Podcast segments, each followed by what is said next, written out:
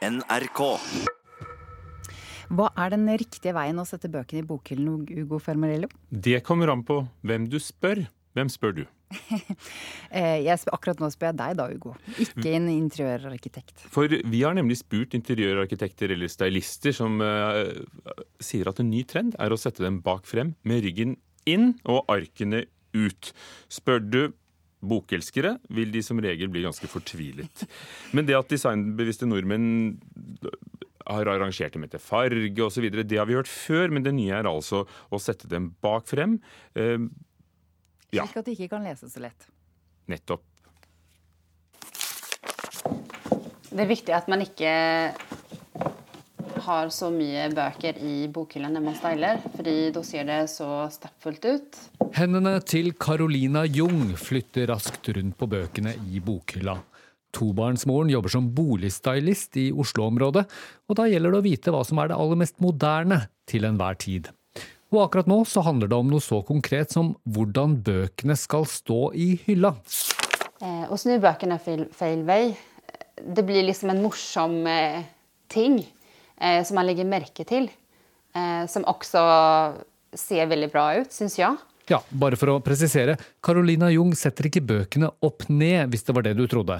Boligstylisten setter dem med de fargerike bokryggene inn mot veggen, slik at man bare kan se det hvite papiret.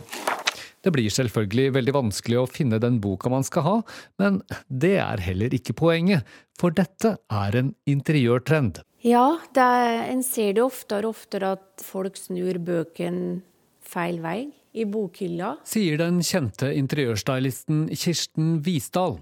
I sosiale medier er det nemlig nå fullt av bilder av bøker med ryggene vendt innover. Men hvorfor? For var det status å ha ei stor bokhylle? Det var jo viktig at jeg hadde utdannelse, at du var belest. Men nå er bøker blitt mer et ja, rett og slett et dekorelement, da. Men det er mange som syns det er noe tull.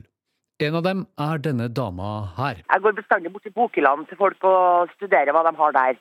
Så hvis jeg bare ser en sånn flate av sånne hvite papir, så tenker jeg det her er sikkert helt eh, kulturelle renessansmennesker. Sier forfatter og bokelsker Anne B.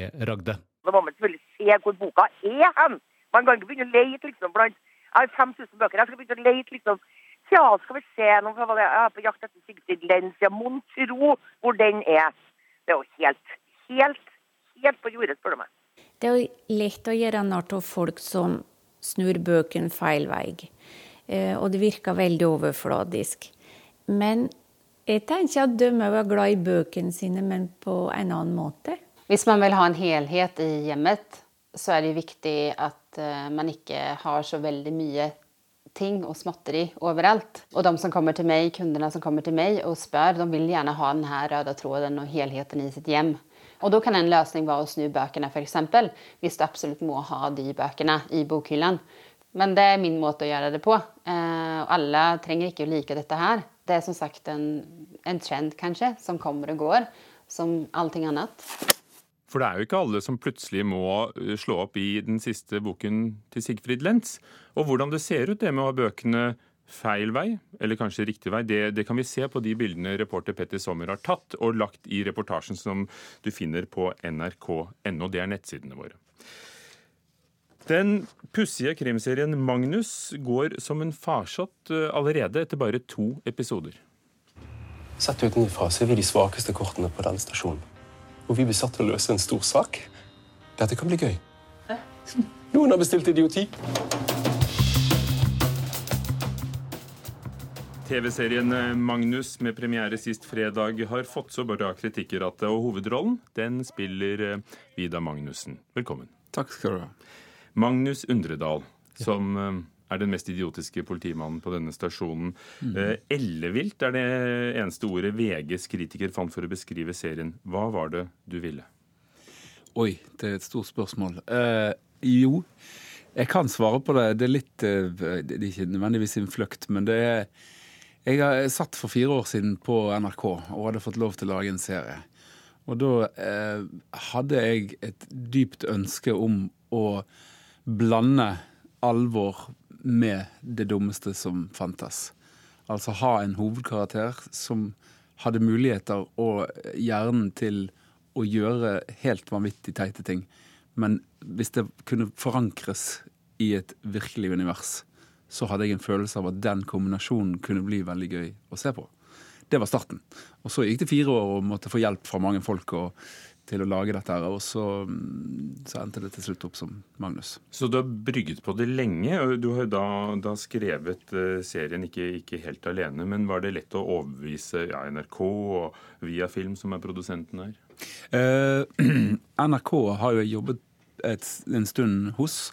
Uh, så de, de, hadde bygget opp en form for tillit. Og en sånn, jeg husker den ene sjefen min sa når vi fremla dette for disse kringkasterne som bestemmer om vi får lov til å lage det eller ikke, så sier hun at eh, Vidar sine manus er ofte Når du leser det, så skjønner du ofte ingenting, men det blir ofte bra. Så det, så det var en sånn uh, artig artig hjelp derfra. Uh, som selvfølgelig betydde at jeg da måtte jeg ordentlig skjerpe meg. For hvis de ikke skjønner hva jeg skriver, så må, det, må jeg i hvert fall stå inne for det. Men folk ser i dette humor, satire og spenning. Mm. Kort fortalt, hva handler det om?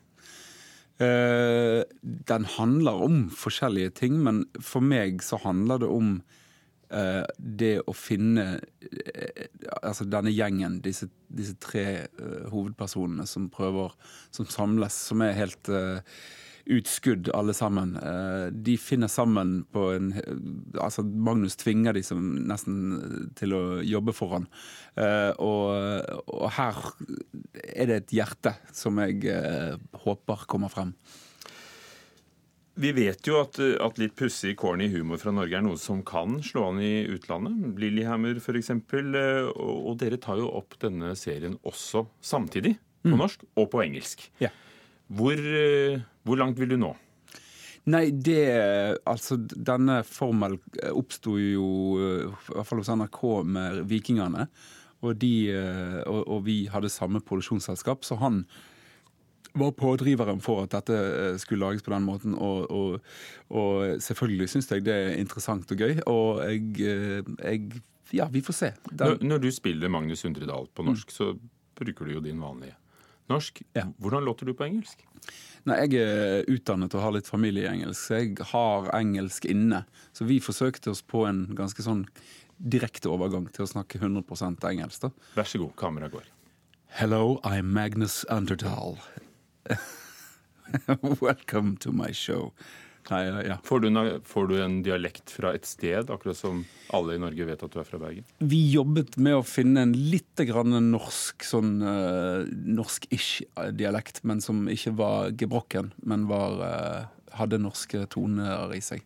Ja, For ellers er det ikke noe vits i, hvis de ikke skjønner at du er norsk. Nei, ikke sant? Blir det veldig annerledes når du, når du, spiller inn på engelsk? Eh, ja, vi merket at den hadde litt andre det, altså den har, Serien har en annen rytme. For språket blomstrer på, på andre steder enn det eh, den norske gjør. Så, så, så, serien har en, ja, den har en litt annen stil. Det blir gøy å se. Du vet ikke ennå hvem som skal vise den? Nei, det vet vi ikke. Vi skal, nei. Vidar Magnussen. Nå kjent ved Magnus. Kort faktaboks. Du har regissert musikaler, sist Book of Mormons på Det Norske Teatret. Folk kjenner deg fra Side om side, TV-serie også. Ja. Men du er jo også stå-opp-komiker og skal snart ha et show som ja, heter På Latter. En, uh, jeg, Hvorfor meg... er det viktig for deg? Uh, det er viktig, for det er det mest spennende man kan gjøre, ifølge min bok. Å stå alene på scenen sammen nå med Kalle Hellevang Larsen 7.2 på Latter. Da uh, skal vi prøve å underholde folk live på scenen. Og det er det skumleste og gøyeste som fins. Er det et overgripende tema? Uh, hva mener du med det? I forestillingen deres? det er Jeg tror de som liker Magnus, vil finne glede i dette showet. Vi fant glede. Takk, Vidar Magnus. Takk.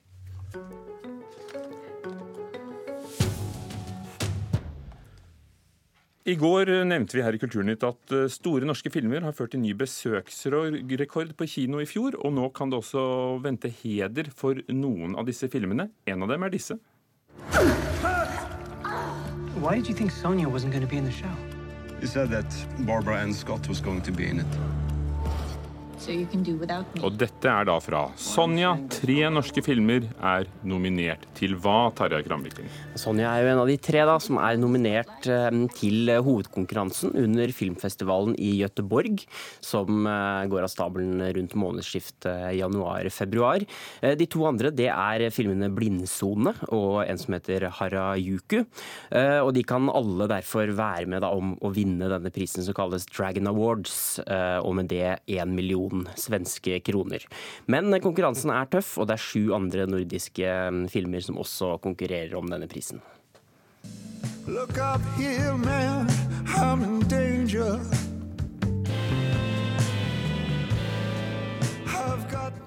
Dette er noen av de siste tonene David Bowie spilte inn før han døde for ganske nøyaktig tre år siden i morgen.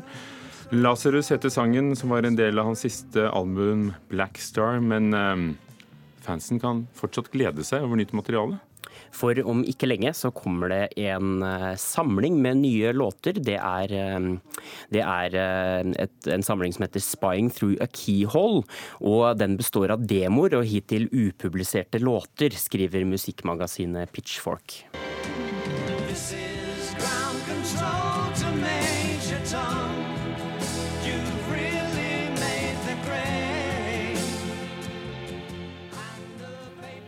Er det mange av oss som ble satt tilbake. Ja, for uh, her hørte vi det som kanskje er David Bowies uh, kjenteste sang, altså Space Oddity. Og um, to av låtene på denne nye samlingen som nå kommer ut, det er demoer av hvordan denne hørtes ut før den endelige versjonen uh, var ferdig. Eh, og i år er det faktisk 50 år siden eh, den låta vi nå hørte, Space Oddity, kom ut på det selvtitulerte albumet David Bowie. Og på Spying Through a Keyhole er det også annet upublisert materiale, som tittellåten og andre innspillinger som ble gjort rundt den samme tiden som dette albumet ble gitt ut. Og vi skal ikke slippe David Bowie eh, ennå, for det er altså da ville vært fødselsdagen hans i går, mens i morgen er det tre år siden han døde. David Robert Haywood Jones. Og han er kanskje død, men han ligger definitivt ikke stille, som vi har hørt. Og nå kommer det også en ny bok på norsk. Det siste intervjuet og andre samtaler.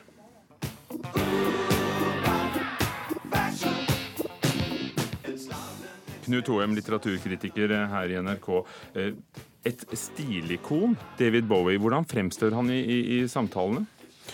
Jo, det er det dette handler om eh, hele veien, vil jeg si. Stil og atter stil. Det går i fashion, som det heter i eh, sangen. Det kommer veldig tydelig til syne i det nær sagt vidunderlige intervjuet med Rolling Stone-journalisten Dave Loader fra 1987, hvor han, som egentlig er en slags biografi eh, eh, om han selv, bare sett ut ifra de klærne han gikk med, eh, der han forteller om hvordan han ble trukket til mohair og renskårne dresser eh, på 60-tallet i London, og hvordan han videre forsøkte å overbevise bandet om at det var riktig å kle seg opp som tvekjønnede romvesener i Sigistad Øst-perioden. Så sånn eh, går det egentlig gjennomgående i flere av disse samtalene i denne boken. Bowie ga en del intervjuer.